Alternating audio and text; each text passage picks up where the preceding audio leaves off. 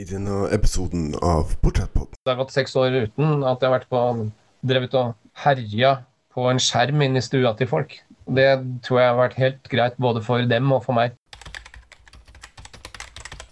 Kanskje på lang sikt kan, kan bli en slags sånn homeopatisk satiriker, hvor, hvor en bok jeg skriver bare inneholder sånn et, et lite korn av satire, men, som knapt vil merkes, men fortsatt være ekstremt effektivt. Jeg har jo skrevet noen kriminalromaner opp igjennom, men de har jo da vært eh, skjemmet av vitser og humør. Og det har vel vist seg på lang sikt at folk vil ikke ha det. Du hører på Portrettpodden med Mats Lasseangos.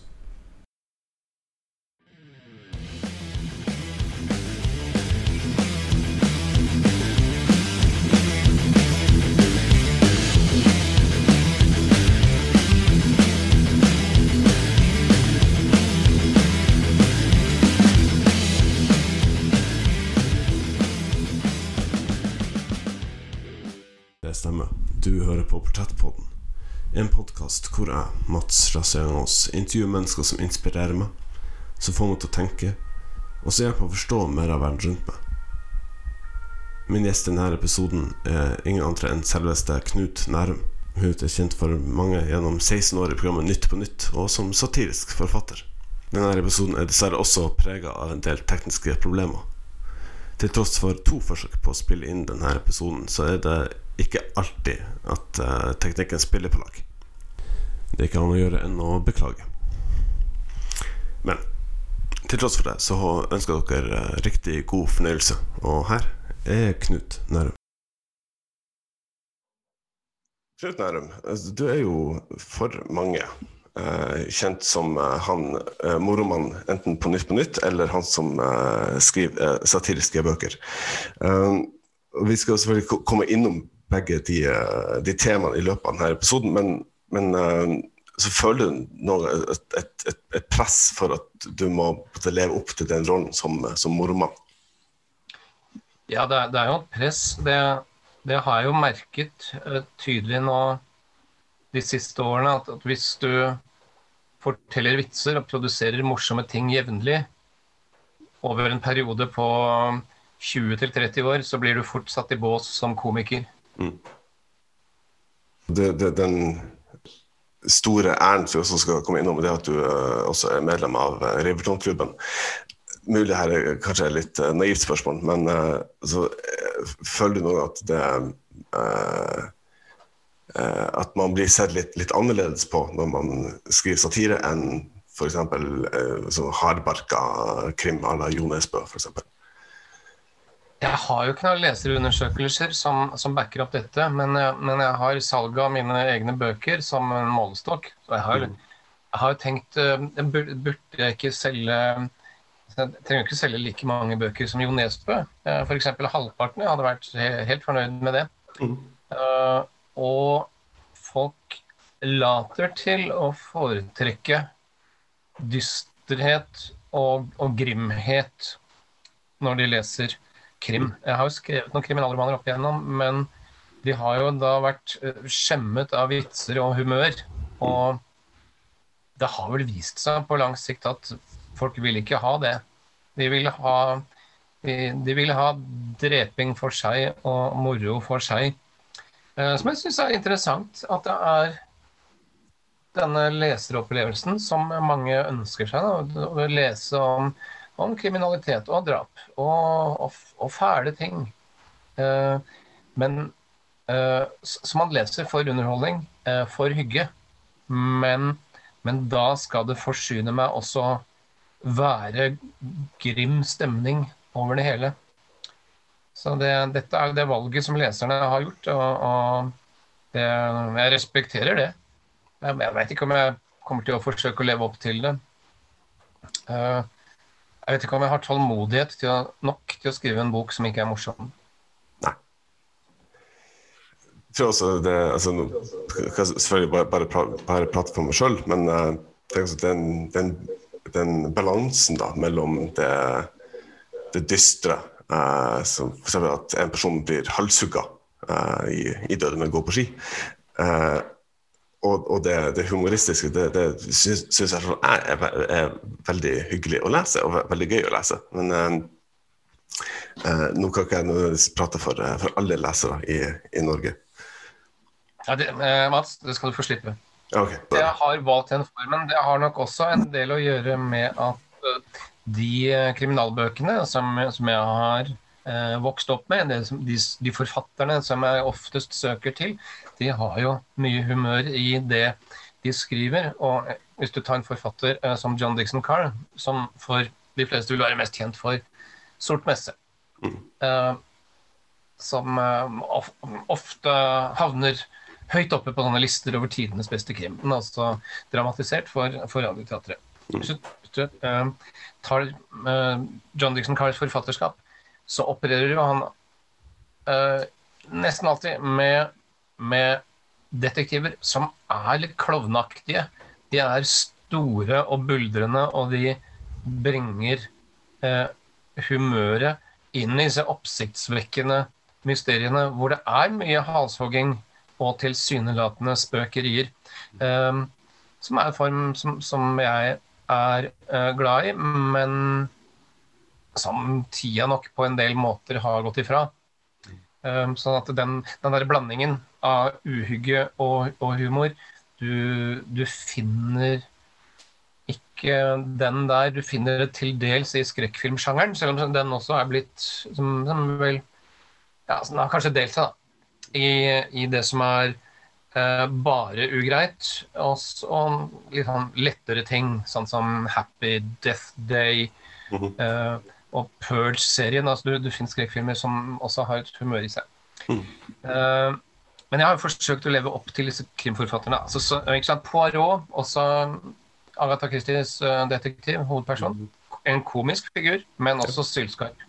Mm. Uh, og, og, og, Sherlock Holmes-fortellingene er, er, det mye humør. Mm. Så det, dette er jo det Dette er jo forbildene dette jeg strekker meg mot. I trygg forvissning om at jeg aldri kommer til å nå opp, men eh, det er jo ikke noe argument for å la være å strekke seg.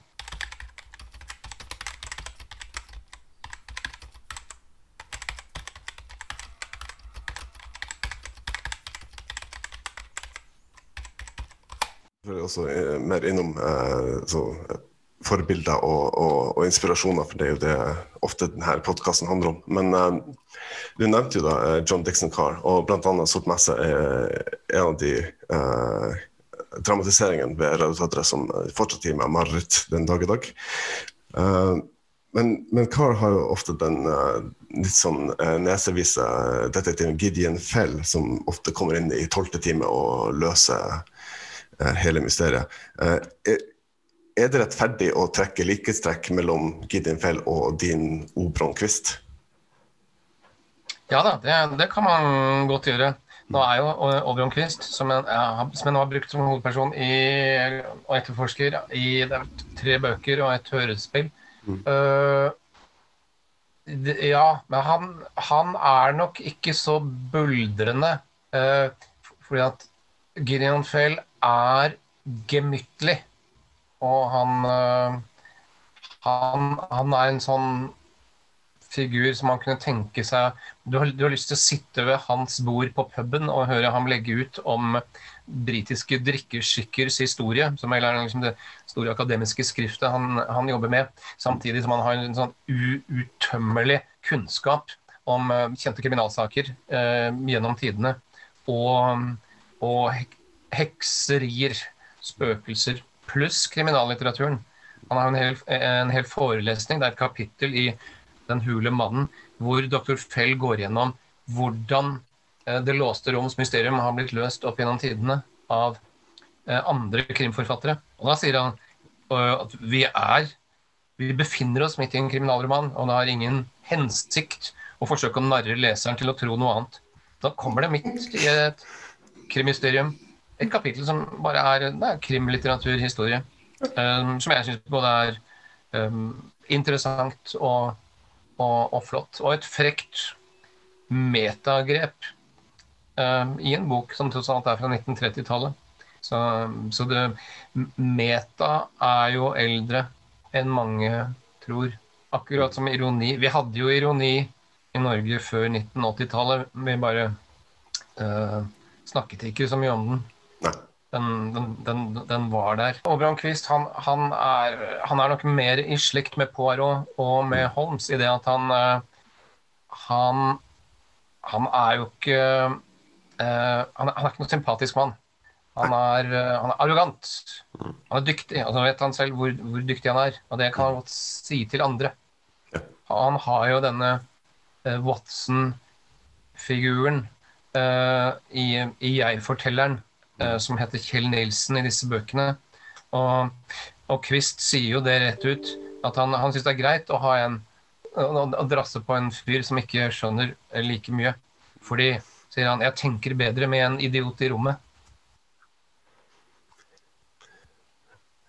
Nei da, så, det, ja, det, så dette er noen av, uh, noen av de forfatterne som jeg har uh, lånt friskt fra. Mm. Jeg har lånt raust. Får bare si takk for lånet. En annen ting som jeg oppdager at jeg gjør nå omtrent hver bidige gang, kommer jo ikke fra noen av disse, men det kommer fra Ellery Queen. og hvis, hvis, man er så gammel at man husker 1970-tallet, så vet man at Ellery Queen gikk i Detektimen den gangen. Det var sånne mysterier hvor, hvor hovedpersonen, Ellery Queen, eh, noen minutter før slutten snudde seg mot kamera og sa ja, nå har du fått vite alt du trenger å vite for å løse mysteriet. Eh, vet du hvem morderen er? Vel, nå la oss se. Mhm. Eh, som jo var et grep som, eh, som TV-serien henta fra Ellery Queen-bøkene som kom fra, fra 1920-tallet av og, og ja, helt fram til 1970-tallet. Men særlig de første Ellery Queen-bøkene brukte det. Uh, så det har jeg brukt i mine bøker. Og også fra Ellery Queen uh, The Dying Clue. Halvkvedede viser. Krafset ned med døende fingre. Ja. Eller et uh, simpelt spillkort uten å avsløre for mye. Det har vel også vært brukt, ja. Blant annet av meg. Ja. Fordi det, det, er jo sånn som, sånn som jeg, jeg, leste, i hvert fall uh, Kjell kjennelsen gjennom uh, 'Død å går på ski', uh, 'Dødes båt' og, og videre. Uh, så virker for meg det er veldig sånn uh, 'De dødes kjerne' eller 'Døde går i land'. Altså det, det, det, er mye, mye Bernhard Borge der også. Masser av Bernhard Borge, ja. Mm. Et vell av, av, av Borge. Det, nei, det var jo der jeg begynte en gang i tida. Jeg studerte på, på 1980-tallet og var med i en studentteatergruppe. Den teatergruppa trengte et stykke, så jeg skrev et stykke som het 'Mord over en lav sko'. Som var en slags tøysete parafrase over Musefellen. Eh, og da vi hadde gjort det, så tenkte jeg nei, må gjøre mer av dette her. Nå har jeg gjort Agatha Christie, hva skal jeg gjøre da? Jo, kanskje Bernhard Borge. For da hadde jeg lest disse bøkene siden jeg var hadde lest dem flere ganger hver siden jeg var fra jeg var tolv og oppover. Uh, ok, Så jeg tok for meg hva, hva, er det som foregår i denne rekka med Bernhard Borge-romaner. Du har De dødes tjern, som er ved tjern i skauen. Og så har du Døde menn går i land, som er på, på et hus på Sørlandet ved, ved havet. Og så, og så har du eh, Nattmennesket, som foregår ved Tyrifjorden, Randsfjorden, et eller annet sånt. Eh, sted litt ned, det virker som det er sånn ned i Buskerud, Vestfold. Uh, der er altså både, både, vann og det er trær. Og så er det den skjult mønster som foregår i all hovedsak i, i, Oslo. Det som ikke fantes der, det var jo en, en fortelling, et, en, eh, et, mysterium, som foregår på fjellet i Norge i påska. Merkelig nok. Fordi at påskekrim var jo godt etablert som lesetradisjon i Norge på 1940- og 50-tallet også, da André Bjerke skrev disse Bernhard Borge-bøkene. Så tenkte jeg at ja, den, den, må jeg skrive. Altså en påskekrim som handler om krim i påska. Eh, litt sånn som Steinfeld-episoden, eh, hvor eh, Kramer eh, finner opp eh, The Coffee Table Book That Is Also A Coffee Table, som er en bok som har noen små bein. Så det var et forsøk på å slås Altså uh, å, å, lage en ting som handler om seg selv. Både, både er tingen, og den handler om tingen. Mm.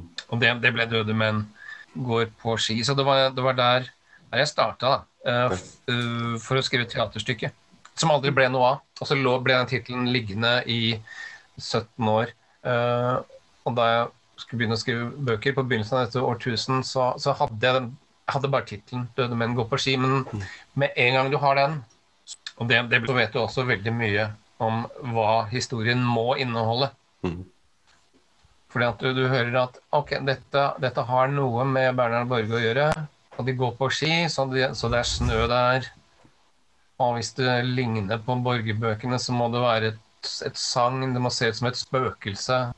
Hvor utfordringa ikke var å finne på hva det skulle handle om, men å, men å, å bare mette den handlinga med vitser.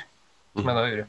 For det er jo um, Det blir det sånn uh, din nisje, om det er lov å si, å lage uh, satire over, over noe som, som, som, lesere har et forhold til, som Madonna-gåten f.eks., eller Busemann og Uh, er, er, det, er, det, vanskelig å lage satire over noe som du vet leserne har et veldig godt forhold til? Eller blir det enklere på den måten? Jeg tror at den der kan slå begge veier. Da eh, Elisabeth Botterli og Peder Rudnes og jeg skrev eh, Madonna-gåten, da var jo da Vinci-koden han, han, var kongen av bok. Han hadde solgt mer enn Bibelen. Mm. Og det hadde, mange elska det, og så var det mange, gjerne folk som, sånne, folk som leser mye, som, var, som, ikke hadde lest det, men de var sikre på at dette er antagelig ikke noe bra, så populært som dette er. Sånn, mm. sånn kan man jo være iblant selv. De hadde lyst til å lese vår bok for å få bekrefta hvor dårlig originalen var. Sånn at det var som om eh, det vi hadde begått, var et slags litterært hevntokt på en dårlig forfatter. Mm. Og folk tenkte at, at, vi, at vi var liksom et slags sånn redskap i en rettferdig kamp for å sette en dårlig, men framgangsrik forfatter på plass. Så da, da fungerte det. Jeg, jeg, hørte den gang i, i flere tilfeller av folk som ikke egentlig hadde hatt lyst til å lese Dan Brown, men nå skulle de gjøre det sånn at de kunne glede seg over parodien etterpå. Mm. Uh, så, så, da talte det til vår fordel. Men uh, da vi kom tilbake med 'Busemannen', da, da var vi pluss to forfattere. Vi var fem om denne, det var pluss Askild Hagen og Jørgen Meren. En av de få fem forfatters romaner som er gitt ut på, på norsk. Mm -hmm. Da, da, da, skulle vi lage en typisk Jo Nesbø-bok med vits, en Jo Nesbø-parodi. Det, det, var populært, det, ja, men det var eh, Den solgte vel omtrent halvparten av Dan Brown-parodien. Mm. Og det kan ha to grunner. Det ene er at vi skrev den i et bokmarked som var i stor forandring. Hvor de folka som fortsatt leste bøker, kanskje ikke hadde liksom, den samme appetitten på tøys som de, som de hadde hatt øh, åtte år før, eller hvor lang tid det nå var.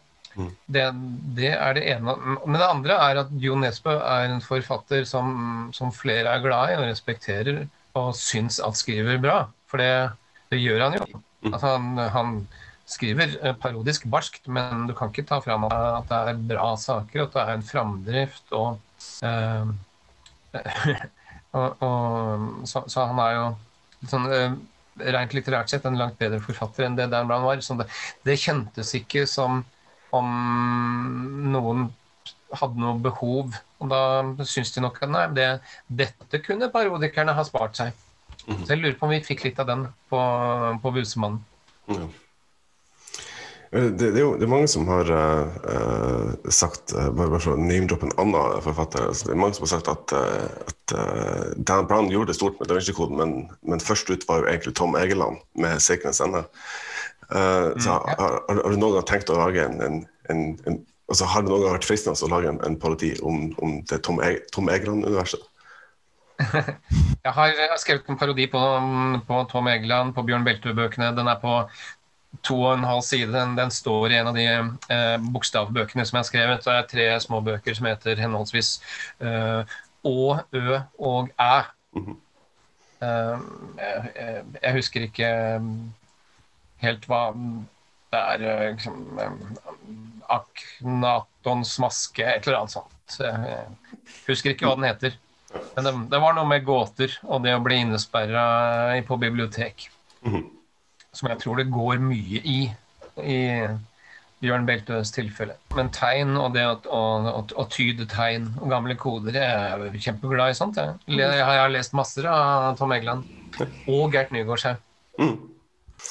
Fint å, ha litt sånn eh, motvekt til eh, mye annet norsk norsk kriminallitteratur som kun handler om at man reiser rundt i Norge og blir slått ned bakfra. Så det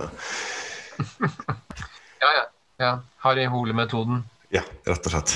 Han har vel fortsatt ikke løst én sak uten å bli slått ned bakfra minst to ganger. Ja, Løsninger kommer bakfra, kan man vel si. Du hører på Portrettpodden med Mats Lasseangos.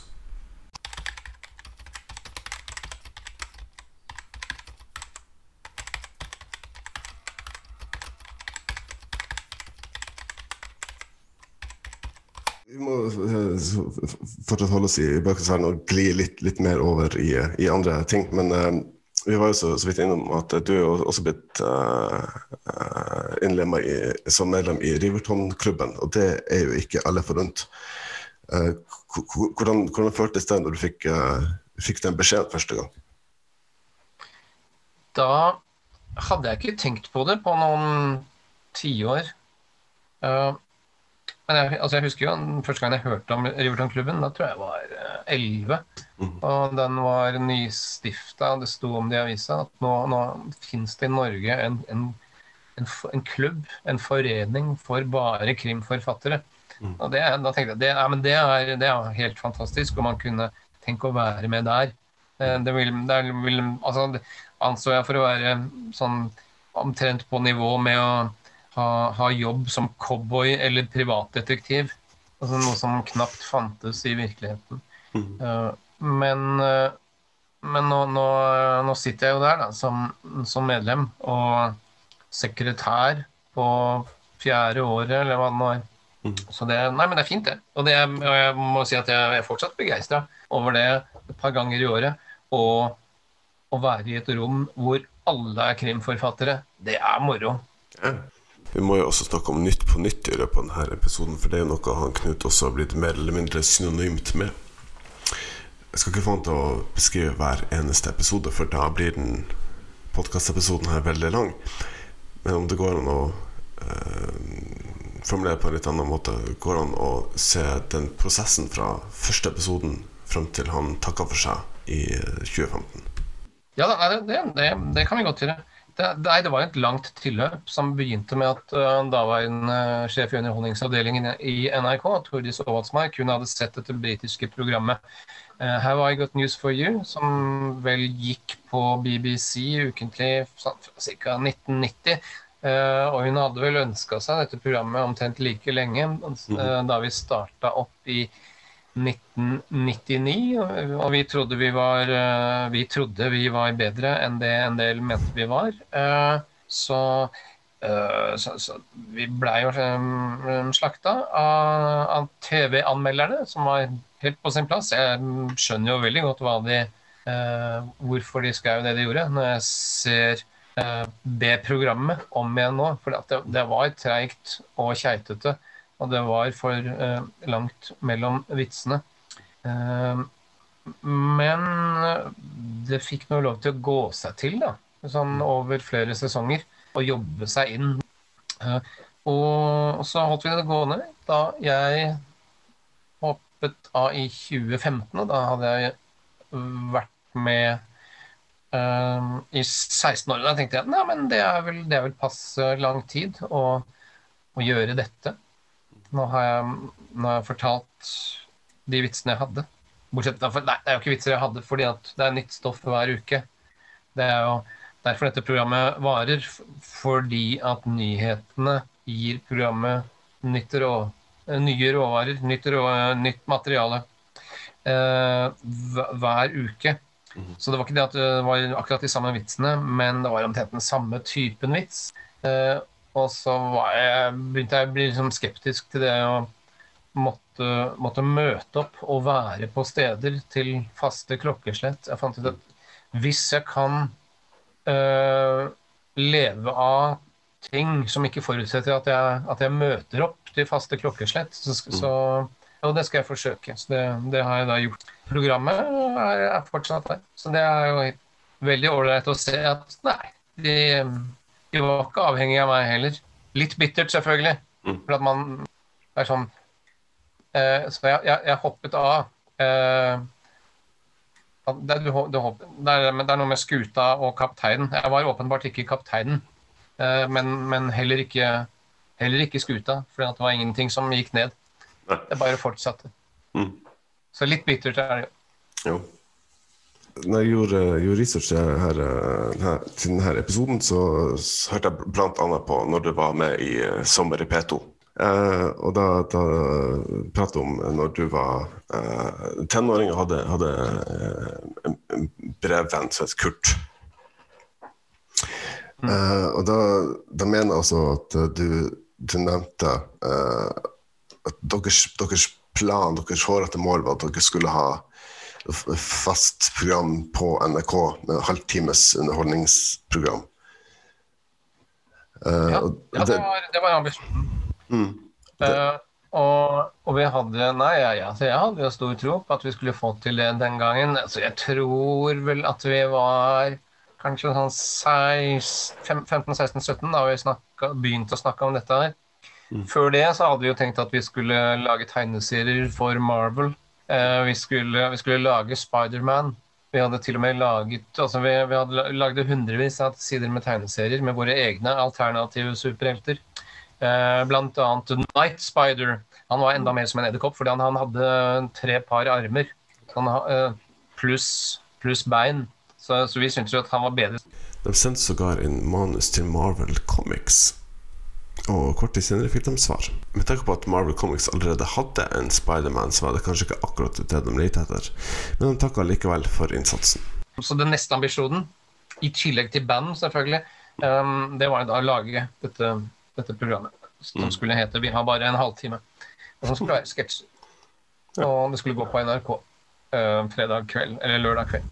Uh, nå fikk jo ikke vi laga det programmet sammen, men da, da, da, jeg kom til 90-tallet, så, så, fikk jeg jo faktisk være med å lage halvtimes sketsjeprogram mm. på NRK eh, i, som gikk på fredagskvelden. Sånn at eh, det, det, er jo en eh, Nei, det var merkelig å tenke på. Altså, har, det, for jeg kom dit, og det var 90-tallet, og jeg var i begynnelsen av 30-åra. Jeg tenkte har ikke dette her vært min ambisjon engang? Jo, det har det. Uh, for, og da tenkte jeg at dette går vel nå i oppfyllelse litt for tidlig. For dette er bare i begynnelsen av, av 30-åra. Hva skal jeg nå se fram til? Hva skal jeg ha for ambisjon nå? Er det mer igjen? Du hører på Portrettpodden med Mats Lasseangos.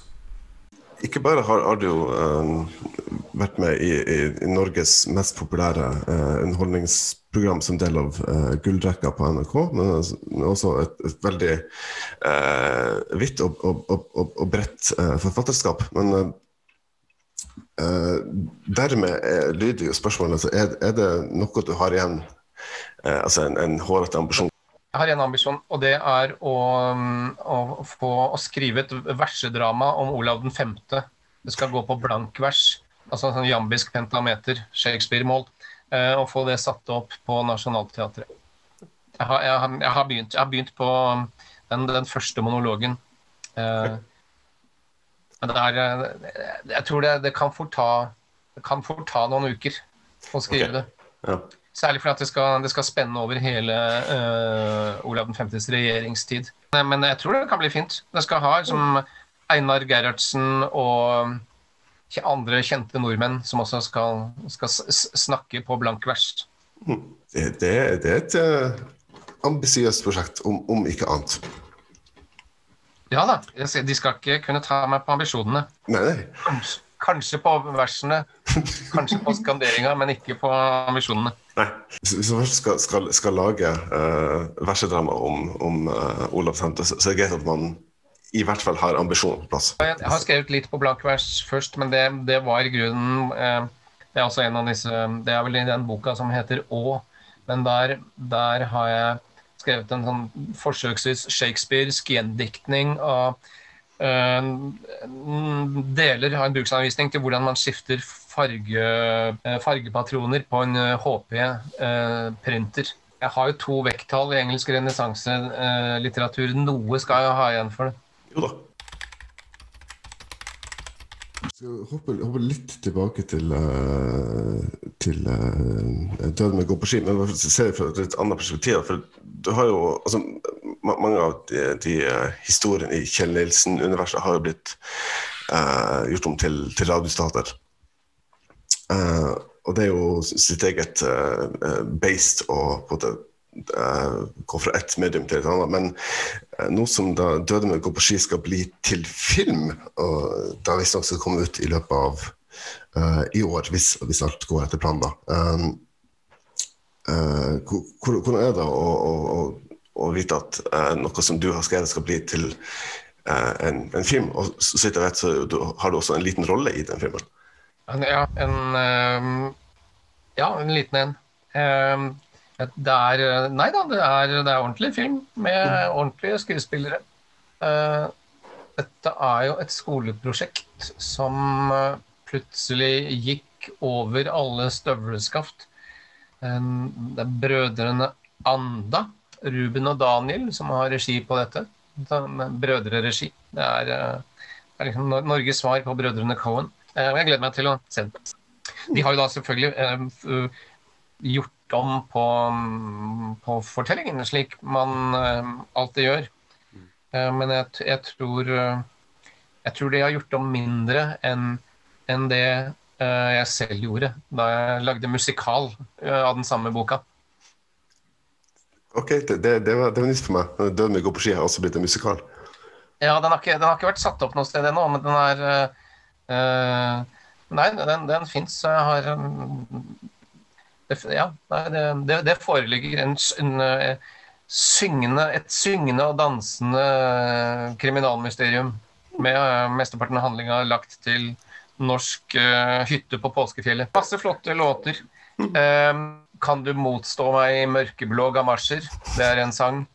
Og det er, det, er, en av de andre mistenkte som synger en sang til Kjell Nilsen som heter 'Ingen Jo Nesbø akkurat'. Det er en nidvise. Vi håper jo at, at, at et teater, um, en, en, eller annen sceneprodusent, vil ha dette etter hvert. Mm. For det, det, er jo helt klart en, en nisje i, i musikalsjanger som ikke har blitt utnytta før, nå, da, selvfølgelig. Det er langt mellom dem. Mm. Men jeg tror jo at altså det, å, det, å, ta fram eh, den typen sånn Agatha Christie-aktig fortelling og kanskje gjøre noe nytt med den, det virker som om uh, verden er klar for det. Og uh, en av de tingene jeg bygger det på, er jo at filmen 'Knives Out' uh, blei tatt så godt imot da den kom for et år eller to siden. Mm. I mars i år, altså om, om noe, et par, par skarve uker, så fyller du 60. Ja. Ja. Eh, er det, er det, noe du ser fram til, eller er det eh, bitende angst? Altså Først og fremst så nå så er det en lettelse over at uh, Norge antagelig da kommer til å være såpass stengt fremdeles at jeg slipper å tenke på hvordan dette skal feires. Så da, da går det an å, å, å, la det gå stille for seg. Men det Altså bikke 60 Jeg tror jo jeg, jeg, tror tid er overvurdert. Altså jeg, jeg, jeg, kan ikke huske at det var noen sånne store kvalitative endringer i livet da jeg runda 50 eller 40 eller 30. Jeg husker at det var fest. Jeg husker, jeg husker hvert av selskapene. Uh, men det var ikke sånn at jeg våkna dagen etter og var en annen som hadde fått superevner, eller plutselig hadde mista evnen til å sykle eller uh, andre ting.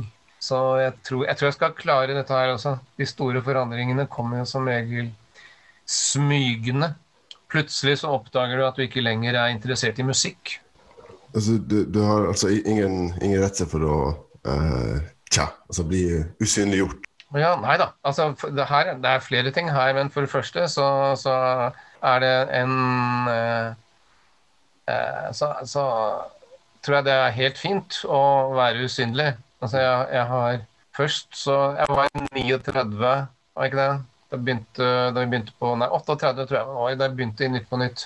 Uh, det hadde jo blitt nesten 40 år gammel uten å vise meg fram på TV stadig vekk. Så gjorde jeg det i, i, i, 16 år. Og det har gått seks år uten at jeg har vært på drevet og uh, herja på en skjerm inn i stua til folk. Det tror jeg har vært helt greit både for dem og for meg. Så det med å bli mindre synlig, det skal gå fint. Okay. Uh, og det å, å, være mann 60 altså det har jeg, det har jeg ja, Hvit, heterofil mann 60 fra de akademiske mellomlagene. Uh, det kan jo hende at uh, det er andre som skal få den plassen i offentligheten, hvis det er den plassen du tenker på. Mm. Og så, så, tar jeg for gitt at jeg nå stadig oftere uh, kommer til å få høre ja, men det, det, mener du fordi at du er en, en hvit heterofil 60 år gammel mann fra det akademiske mellomlaget. Og det vil jo være sant. For jeg kan ikke mene noe som noe annet. Uh, så det, det, skal jeg leve med. Det skal gå bra. Mm. Du, du, er komfortabel med, med, med, å bli satt inn i, i, i hvert fall i den spesifikke båsen? Jeg tror på bås. Jeg tror, jeg tror bås er bra, og at uh, det seg selv i bås oftere. Mm. Det gjør det mye lettere å vite hvor man har folk. Det, det, det er sant. Så, så, så, alle burde egentlig bare eh, kjenne på sitt, sitt ansvar og sette seg sjøl i bås, først som sist.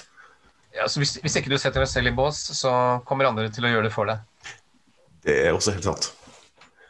Da er det greit å være, være, være føre var, tenker jeg. Ja. ja. Um, skal, skal avslutte med noen, noen eh, litt, uh, litt, litt mer sånn uh, underfundige, litt teite uh, spørsmål. Um, jeg, jeg, liker underfundig og teit. Det er en god blanding. Ja, det, det, det, det lover godt. Um, altså um, Prøve å ta en litt sånn personlighetstest på, på veldig lavt nivå, selvfølgelig. um, om noen skulle skrive en uh, uautorisert, uh, selvfølgelig, uautorisert uh, biografi om Knut Nærum, hva, hva, ville altså en, hva ville den tittelen vært, og, og, to, hva ville hovedfokuset vært i, i den boka? Mm. ja, hva, hva, altså, hva Den skulle vært uautorisert. Mm. kanskje hvor, hvorfor får han ikke gjort noe med den klumpen under leppa? Det kunne vært en uh, Det er kanskje mer, kap, mer en kapitteltittel. Uh, nei, men jeg, jeg, jeg, liker jo uh, dette som, som, du tok opp nå. Altså forholdet mellom å være synlig og det å ikke være Jeg, jeg tror det kan være en dyd å ikke være så veldig synlig overalt. Jeg skulle jo ønske jeg ble bedt om å gjøre flere ting. Eh, sånn at jeg kunne sagt nei. Men jeg, det ligger jo en tanke bak å ikke være på Twitter og ikke være sånn ordentlig på Facebook. Mm. Eh, og det er jo som Nei, men ikke, ikke, ikke gestalte seg selv så, så voldsomt. Så en tittel kunne vært eh, den, den, den, den eh, nesten usynlige mannen. Den transparente mannen.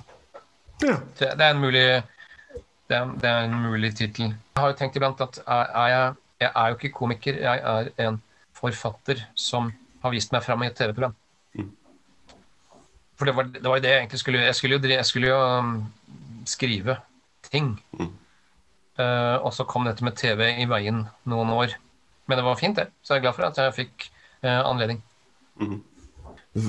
Føler du noen gang at uh, den, den, merkelappen satiriker står i, står i veien for eventuelt annet forfatterskap? Nei da. Jeg, jeg, tror ikke, jeg, jeg, tror ikke, merkelappen er noe problem.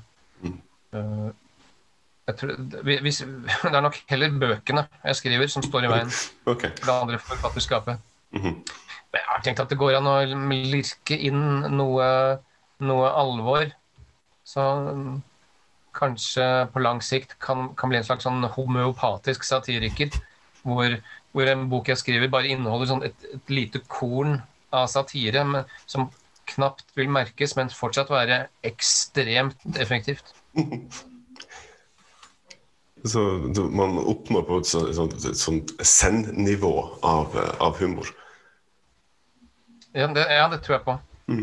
Send-humor, altså det er den, den humor du, du kjenner at du ler inni deg, men det er ingen som kan se det.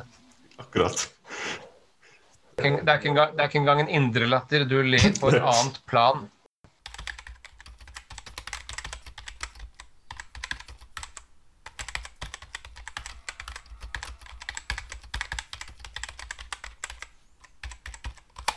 Du har hørt på en episode av Portrettpodden. En podkast med meg, Mats Lasseangås, og min gjest i denne episoden var Knut Nærum. Har du gjort deg noen tanker mens du har hørt denne episoden? Har du ris eller ros eller tips du ønsker å komme så kan du rette til Portrettpodden sine Facebook-sider. Portrettpodden arbeider i henhold til Vær varsom-plakaten. Takk for at nettopp du hørte på, og vi høres snart igjen.